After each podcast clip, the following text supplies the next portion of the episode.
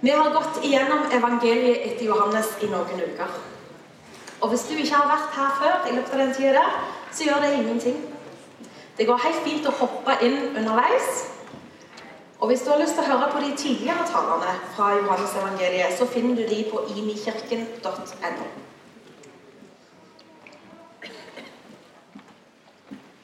Eh, dere traff Elling her i sted. Han sto framme, og han var den som senka ned ungene. og han og leder møtet. Men det kan godt være at det ikke er alle som kjenner Egil Elling. Han er vår hovedpastor her. Og så tenkte jeg Vet du hvordan du kan bli godt kjent med Elling? Du kan selvsagt gå og snakke med han. Det er alltid veldig hyggelig. Men kanskje blir han flau hvis du blir, ber han om å beskrive eh, seg sjøl. Kanskje holder han litt tilbake. Litt flau. Kanskje han ikke tør å si noe fordelaktig om seg sjøl. Så hvis du virkelig vil bli kjent med Elling, han nervøs, så bør du gå til noen som er glad i ham. Og be de fortelle. Så det tenkte jeg vi kunne bare gjøre. Dere som er glad i Elling, fortell noe om ham. Hvordan er Elling? Morsom? Hva sa du? Snill? Smart? Klok? Klok og vis? Her kommer det flere. Ja, kom an, folkens. Real. Ærlig. Kjekk. Ingen som sier noe om plystringen hans. Kom an, folkens. Han plystrer! Veldig flott. Ja. Hvis du vil virkelig bli kjent med Elling, så går du til de som er glad i han. Og På et øyeblikk så ser, får du se Elling gjennom deres øyne. Og du skjønner hva som gjør han fantastisk. Og Det er dette som er historien til Johannes. Han har skjønt at Jesus er glad i ham. Han elsker Jesus sjøl. Når han forteller om den som han er glad i, så får vi se Jesus gjennom Johannes sine øyne. Og vi skjønner mer av hvem Jesus er. Og Jeg nevnte at Johannes har skjønt at Jesus er glad i ham. Fem ganger i dette evangeliet så omtaler han seg seg sjøl så omtaler han seg sjøl som den disippelen Jesus elska, eller den disippelen som Jesus hadde kjær. Det betyr ikke at ikke Jesus elska de andre disiplene. Det betyr bare at Johannes hadde skjønt det. Og Det faktum fristiller Jesus til å kunne dele sine innerste tanker med Johannes. For han, han vet at det han deler, det vil bli forstått sånn som han mente det. Og Johannes skriver sin historie ut fra kjærlighet. Når han begynner sin beretning, så er det ikke sånn som Lukas, for eksempel, legen, som beskriver historiske fakta og nitidige, nøyaktige vendinger. Johannes gjør ikke det. Han starter ikke med tørre fakta eller historiske uomtvisteligheter. Han starter riktignok med begynnelsen, men det er en beretning som er ganske annerledes enn den som vi finner i Mosebøkene. Poetiske Johannes nærmest bobler over når han skal begynne å fortelle kjernebudskapet. Om ordet som ble kjøtt og tok bolig iblant oss. Han har skjønt at årsaken til at Jesus kom til jorda, var at Gud elska oss. Det er han som sier, for så høyt har Gud elsket verden, at han ga sin sønn, den enbårne, for at hver den som tror på ham, ikke skal gå fortapt, men ha evig liv. Og neste vers. Gud sendte ikke sin sønn til verden for å dømme verden, men for at verden skulle bli frelst ved ham. Johannes skjønte at det var kjærligheten som kjøpte oss til frihet. Har dere lagt merke med at folk som tilbringer mye tid sammen, ligner på hverandre? Johannes var så nær til Jesus at han begynte å se verden gjennom Jesus sine øyne. Han begynte å se Gud sånn som Jesus så han. Han kjente hjertet til Messias. Da Jesus hang på korset, så valgte han ut Johannes til å ta seg av mora si, Maria. For han visste at han var den som best kunne formidle Gud til Maria når han sjøl var vekke. Og dette er greit å ha som bakteppe når vi går løs på dagens tekst. Vi får møte Jesus gjennom han som elsker ham, som kjente hjertet hans og hadde skjønt kjærligheten som Jesus har til oss. Skal vi be om at vi får øye på det som Johannes så? Kjære Jesus, takk for at det, det var, du kom her fordi du var drevet av kjærlighet. Takk for at det var kjærligheten som kjøpte oss fri. Nå ber vi om at vi får øye på deg sånn som Johannes så deg. Amen.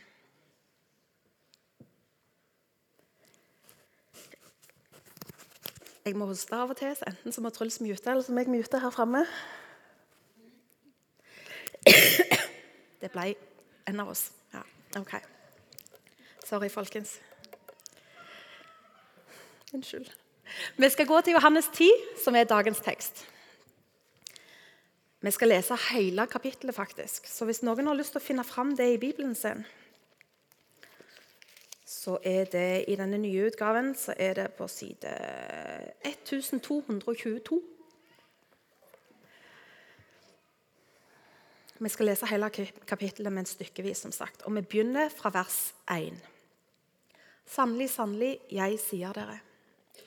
Den som ikke går inn til saueflokken gjennom porten, men klatrer over et annet sted, han er en tyv og en røver.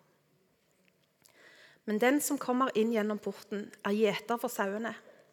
Portvokteren åpner for ham, og sauene hører stemmen hans. Han kaller sine egne sauer ved navn og fører dem ut. Og når han har fått ut alle sine, går han foran dem, og sauene følger ham, for de kjenner stemmen hans. Men en fremmed kjenner, følger de ikke. De flykter fra ham fordi de ikke kjenner den fremmede stemme. Denne lignelsen fortalte Jesus, men de skjønte ikke hva han mente. Da sa Jesus, 'Sannelig, sannelig, jeg sier dere, jeg er porten inn til sauene.' Alle de som er kommet før meg, er tyver og røvere, men sauene har ikke hørt på dem. Jeg er porten. Den som går inn gjennom meg, skal bli frelst og fritt gå inn og ut og finne beite. Tyven kommer bare for å stjele, drepe og ødelegge. Jeg er kommet for at dere skal ha liv og overflod. Ok, Vi stopper der foreløpig. Dette kapittelet inneholder mange sauer. Og Her gir Jesus litt ulike bilder. Han snakker først om seg sjøl som gjeter døperen Johannes som portvakt og det jødiske folket som sauer. Men det bildet skjønner ikke folket. Og Det er viktig for Jesus at de faktisk får tak i det han sier. Så han snur litt på det, og så omtaler han seg sjøl som porten. Det er et ganske tydelig bilde for oss som ser ting i etterkant. Vi vet at Jesus kom for å gjenopprette veien til Gud. I et senere kapittel så sier han noe om akkurat det. Jesus sier i Johannes 14, 14,6.: Jeg er veien, sannheten og livet. Ingen kommer til far uten ved meg. Men Jesus er altså porten som vi kan gå inn gjennom for å komme til Gud og bli lagt til flokken. Det skjønner vi. Når vi tar imot Jesus, så har vi adgang til Gud og hans kongerike. Vi får ta del i alt det som skjer i kongeriket. Altså, vi får del i alt det.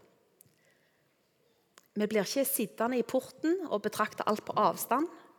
Men vi går inn gjennom porten og blir en del av Guds kongerike. Og det blir en del av oss. So far, so good. Videre så gir han et nytt bilde. Fra vers 11 så sier Jesus at han er den gode hyrden. La oss lese teksten. Jeg er den gode gjeteren. Den gode gjeteren gir livet sitt for sauene. Men den som er leiekar og ikke gjeter, og som selv ikke eier sauene, han forlater dem og flykter når han ser ulven komme. Og ulven kaster seg over dem og sprer flokken. For han er bare leiekar og har ingen omsorg for sauene. Jeg er den gode gjeteren. Jeg kjenner mine, og mine kjenner meg. Slik som far kjenner meg, og jeg kjenner far. Jeg gir livet mitt for sauene. Jeg har også andre sauer som ikke hører til denne flokken. Også dem må jeg lede. De skal høre min stemme, og det skal bli én flokk og én gjeter. Far elsker meg fordi jeg gir livet mitt for siden å ta det tilbake. Ingen tar mitt liv, jeg gir det frivillig. For jeg har makt til å gi det og makt til å ta det tilbake igjen. Dette er oppdraget jeg har fått av min far. Han som eier sauene. Det er han som har kjøpt dem. Han har sjøl kjøpt dem. Han er ikke en innleid hyrde som stikker av med det samme farene truer. Den gode gjeteren er glad i sauene sine. Han gir sitt liv for sauene, ikke fordi han må, men fordi han vil. Så høyt elsker han flokken sin. Johannes skjønner innholdet i det som Jesus sier. Gud elsker han fordi han gir livet sitt for sauene. Så går vi tilbake til bibelteksten igjen, fra vers 19. Nå ble det igjen splittelse blant jødene pga. det han hadde sagt. Mange av dem sa han har en ond ånd i seg, han er gal. Hvorfor hører dere på ham? Andre sa slik taler ikke en som har en ond ånd. En ond ånd kan da ikke åpne øynene på blinde. Og det er her det skjærer seg. For disse sauene begynte å dra i tvil hyrden. Hva er det han fabler om her, da? Vi skjønner hva han mener hva Jesus mener om å gi livet sitt og ta det tilbake. Vi har nettopp feira Jesu død oppstandelse i påsken. Men det er lett å forstå ting i ettertid. For jødene så hadde dette ingen mening. Og det de ikke kunne forstå, valgte de å avvise.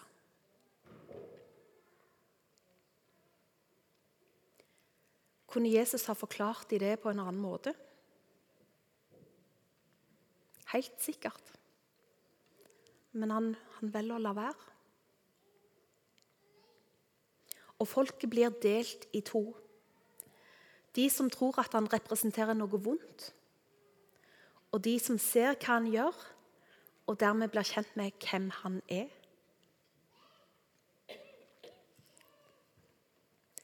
Nå har vi kommet til vers 22, og nå skal vi lese den siste delen av kapittelet.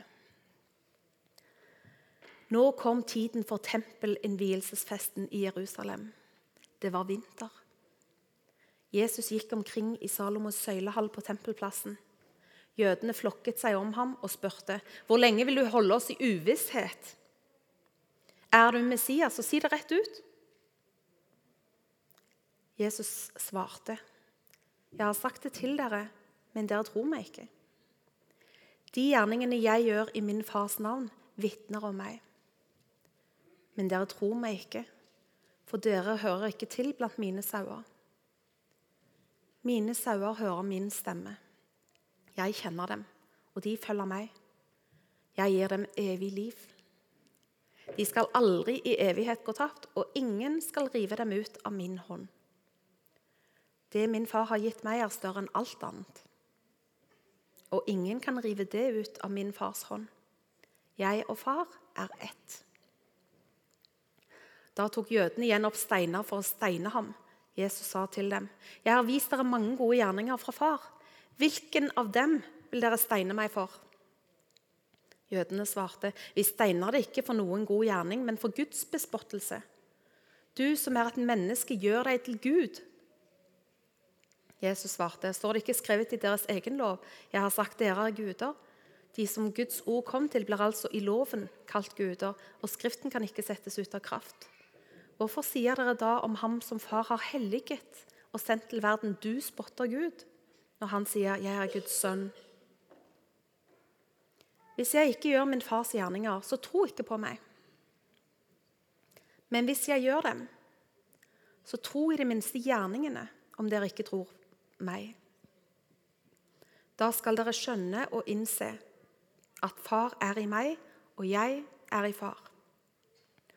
Da prøvde de å gripe ham, men han slapp ut av hendene på dem. Jesus dro da igjen over til den andre siden av Jordan, til det stedet der Johannes hadde døpt. Der ble han en tid. Mange kom til ham, og de sa, 'Johannes gjorde ingen tegn, men alt det han sa om denne mannen, var sant.' Og det var mange der som kom til tro på Jesus. Her tar historien en ny retning.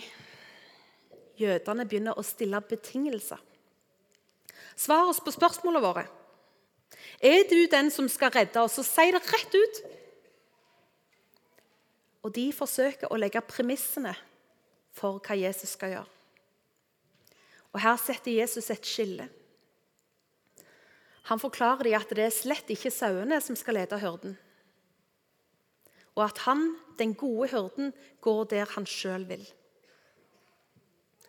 Omgitt av folk som vil temme Guds sønn og gjøre han sosialt akseptabel, sier Jesus dere er ikke min flokk. Mine sauer hører min stemme og følger meg. De trenger ikke å forstå. De kan bare følge meg der som jeg går. Disse sauene får evig liv, og de skal ha del i alt det som jeg har fått av min far. Jødene går fullstendig amok. Hvem tror denne Jesus at han er? Skal han liksom komme der og fortelle dem hva de skal gjøre? Burde ikke han lytte til de heller? Var det ikke nettopp de som kjente Skriftene, og som venta på Messias? Burde ikke Jesus ha holdt seg inne med de som hadde makt og myndighet? Som visste hva som var kulturelt og religiøst akseptabelt? Hvilken av mine gode gjerninger vil dere steine meg for? spør Jesus. Han viser til at han allerede har gitt dem oppskriften på hvordan de skulle kjenne igjen Gud. Husker du at han sa at de kunne se på hva han gjorde, og dermed bli kjent med hvem han var? Vi steiner deg ikke for de gode gjerningene du har gjort, sier jødene. Og anerkjenner samtidig at han var en mann som gikk omkring og gjorde godt. Vi vil steine deg fordi du sier at du er Guds sønn. De klarte aldri å se koblingen mellom det Jesus gjorde, og den han var. I møte med Guds under så klarte de aldri å gjenkjenne hans karakter. Så de ville ta livet av Jesus. Men på mirakuløst vis så ble han vekke. Stopp opp et lite øyeblikk og se for deg det.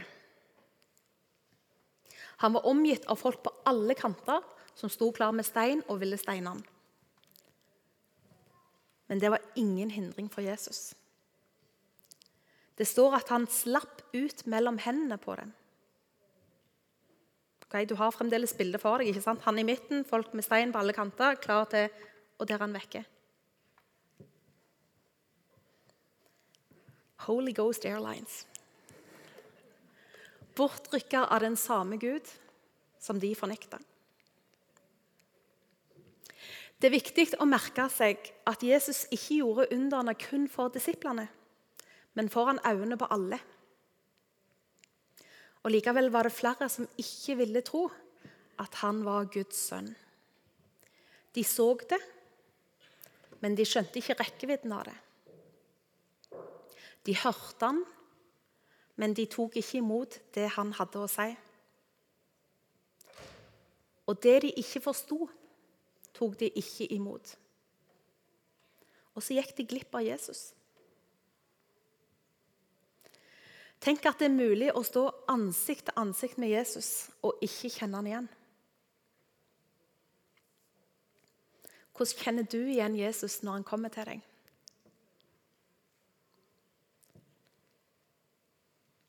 Hva gjør du når han kommer på en annen måte enn det du forventer? Hvordan reagerer du når Jesus møter deg på en måte som du kanskje ikke liker? Og Nå tenker du kanskje at sånn er ikke Jesus. Han hører vår bønn og gir oss det vi ber om. Nei, han elsker oss og gir oss mer enn det vi vet å be om. Han møter oss med det vi vil ha. Nei. Han møter oss med det han ser vi trenger. Han ville aldri få oss til, til å føle oss uvel. Har du lest Bibelen? Leste du historien om den døvstumme? Han som Jesus stakk fingrene i ørene på. Og Deretter så tok han spytt på fingrene. Altså, Se nå dette for dere, folkens. Fingrene inn. Og Så etterpå Spytt og legger det på tunga til mannen. Det var sikkert ikke helt det han man forventa seg. Men ikke desto mindre så ble han fullstendig helbreda. Han fikk hørsel og tale tilbake. Hva med han mannen som var født blind? Husker dere han? Jesus lagde en leire av spytt og jord og klinte på øynene hans. Og Deretter så sendte han ham til Siloadammen for å vaske seg. Og Jeg ser for meg denne mannen når han stavrer seg av gårde ned til vannet med sorper på øynene og fortsatt like blind. Det var vel neppe sånn han hadde sett for seg at Messias skulle komme. Men da han gjorde det Jesus hadde sagt, og steg opp av vannet, så var han seende.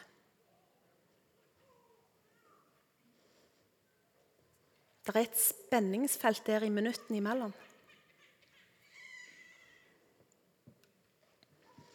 Husker du historien om de to fiskene og de fem brødene? de som ble til mat for 5000 menn i tillegg til kvinner og barn.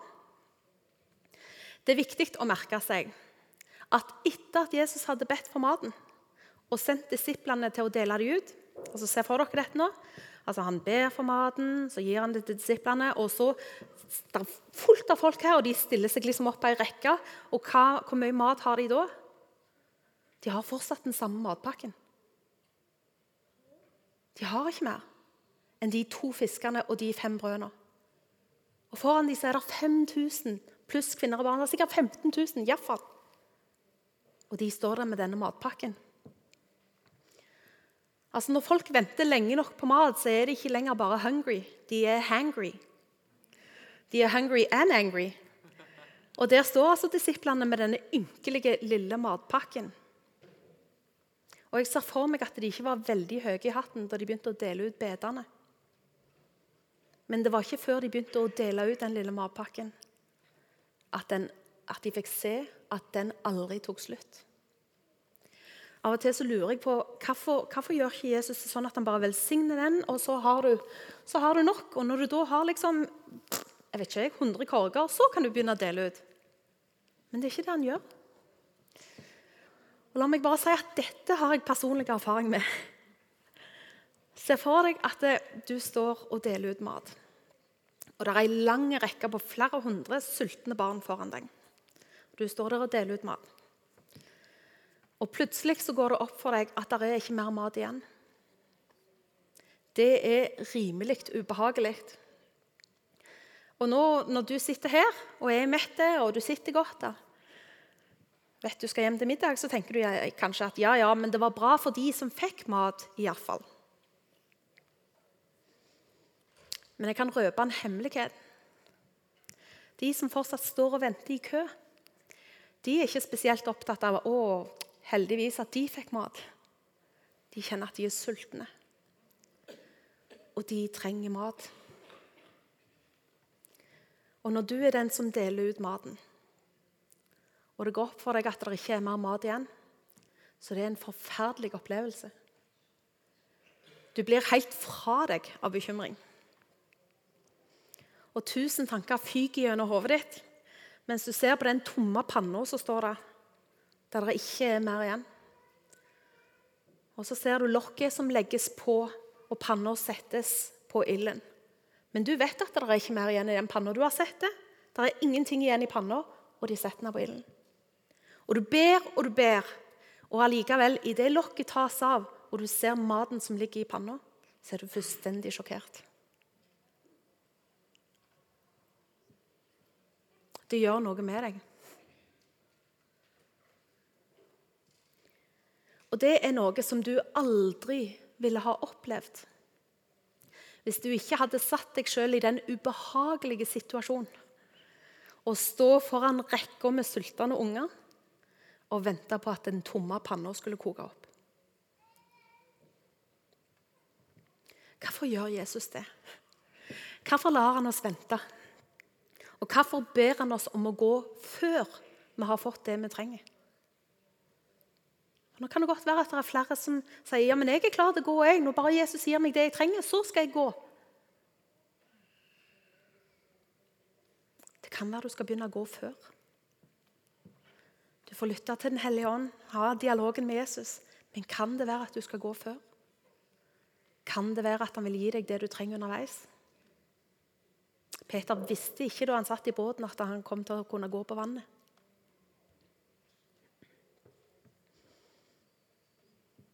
En annen ting. Hvorfor sa han til disiplene at de skulle kaste garn over på andre sida for å få fisk? Og hvorfor lot han de slite hele natta før han sa det? Det lurer jeg på. Og hvordan vet vi at det er Jesus som gjør ting?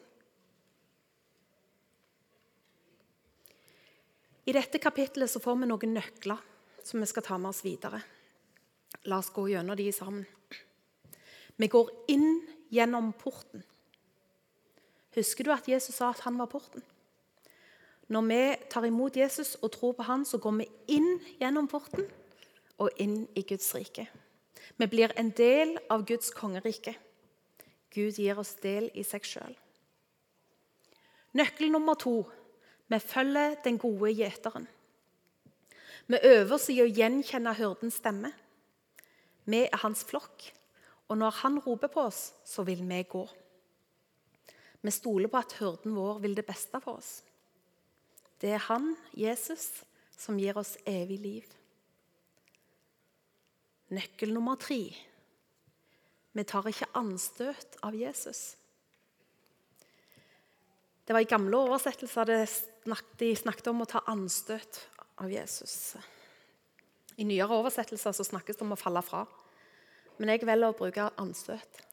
Og så får jeg heller forklare hva jeg mener. Det handler om hvorvidt en lar seg fornærme av Jesus. Av handlingene hans, ordene hans, tilnærmingen, timingen. Hvordan tar vi imot han når han kommer på en måte som vi ikke vil? På en annen måte enn det vi hadde tenkt? Gjenkjenner vi Jesus? Tar vi imot han? Eller tar vi anstøt av han? Blir vi fornærma over denne Jesus som ikke møter våre forventninger? Som ikke oppfører seg sånn som han burde? Da vår yngste sønn ble helbreda, så mottok vi veldig mange telefoner i etterkant. Og de aller fleste var kjempehyggelige. Men noen erklærte at de var personlig skuffa over at helbredelsen hadde funnet sted i USA. Og det var nesten vanskelig for meg å forstå. Vi var bare takknemlige over at han hadde blitt helbreda. Vi ga vel blaffen i hvor det skjedde. Men for noen så ble det veldig vanskelig. De kunne ikke godta at Gud hadde helbreda noen i en menighet som de ikke likte eller ikke kjente. De tok anstøt. Flere av de fortalte om at de hadde bedt i årevis om å få oppleve et under. Når de så hørte om Adrians helbredelse, så ble de krenka over at det hadde skjedd på en måte som de ikke forventa. Det hadde ikke skjedd sånn som de forventa. Og de gikk heller glipp av det som Jesus gjorde. Det forandra ikke noe for oss. Adrian var akkurat like helbreda, og vi var akkurat like takknemlige. Men de som tok anstøt, klarte ikke å se det Jesus gjorde. Og de ble dermed ikke kjent med hans karakter.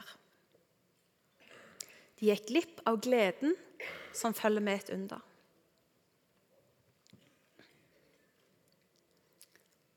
Siste nøkkel. Vi bestemmer oss for å ta imot det Jesus har for oss. Jeg skal fortelle en liten historie til slutt for å illustrere hva jeg mener. Men Truls, nå må jeg ha hjelp, for nå må jeg puste. Takk, takk. En av ungene våre mista brillene sine. I månedfrosten, likså greit. Borte vekk. Det var ikke bare lesebriller. Han trengte briller hele tida. Og når han ikke brukte briller, så ble han dårlig i løpet av kort tid. Og nå var gode råd dyre. For vi skulle på ferie fire dager etterpå. Vi fikk kjøpt noen lekre, veldig dyre briller i ekspressfart. Og så reiste vi på tur. Ei snau uke ut i ferien vår så ble sønnen vår bedt for. Synet hans ble fullstendig helbreda. Og han trengte ikke lenger briller. Fantastisk, sant? Han var jublende glad og storma av gårde uten briller. Neste dag så, så jeg at han satt ved bassengkanten med brillene på. Og jeg tenkte det var interessant. Og satte meg ned ved siden av han. Jeg ser du har funnet fram brillene dine. Ja, jeg måtte jo liksom det. Trenger du de?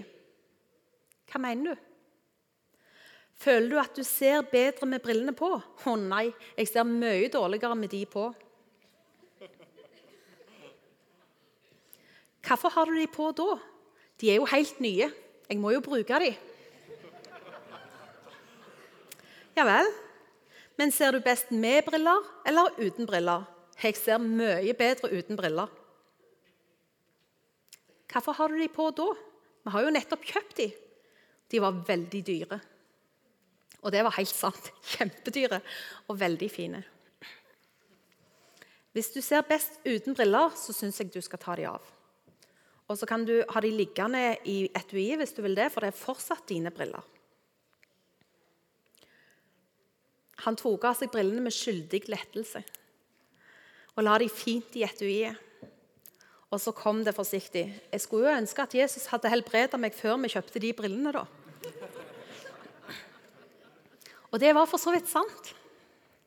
Både vi og bankkontoen vår ville ha nytt godt av det. Men neimen og vi ville gå glipp av gleden ved et under bare fordi Jesus kom på en annen måte enn vi forventa. Ikke gå glipp av det Jesus vil gjøre i livet ditt. Ta imot det, selv om det betyr at du ikke lenger har kontrollen. Han gir deg mer enn det du vet å be om, og han gir deg seg.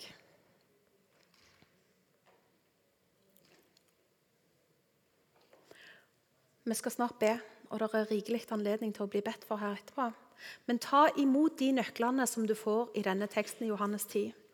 Gå inn gjennom porten. Hvis du ikke har tatt imot Jesus, så kan du få gjøre det i dag. Og du er velkommen hjem. Neste nøkkel følg den gode gjeteren. Øv deg i å gjenkjenne stemmen hans. Gå når han ber deg om det. Tredje nøkkel ikke ta anstøt av Jesus. Innse at du ikke kan styre han.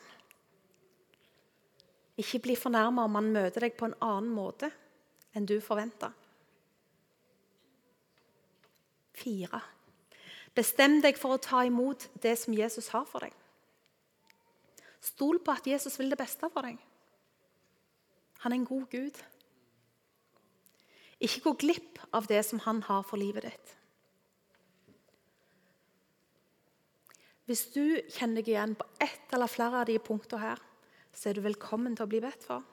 Elling vil fortelle litt etterpå hvordan vi, hvordan vi organiserer det. Og Hvis du har andre behov enn de som er nevnt her, så er du selvfølgelig også hjertelig velkommen til forbønn. Men før vi gjør det, så vil jeg bare be litt. Og Jesus, vi, vi vil se deg sånn som Johannes ser deg. Vi vil se deg gjennom eh, kjærlighet, far. Takker deg fordi at du elsker oss, far. Du sendte din sønn for oss. Takk for at det gir oss muligheten til å elske deg tilbake. Takk for at du møter hver og en av oss her. Jeg takker deg, Jesus, for at du ikke vil lede oss på stier som vi skal gå alene, men du går sammen med oss hele tida. Kom og vis oss hva du vil gjøre i livet til hver en av oss. Gode Helligånd, vi inviterer deg til å tale til oss. Mm.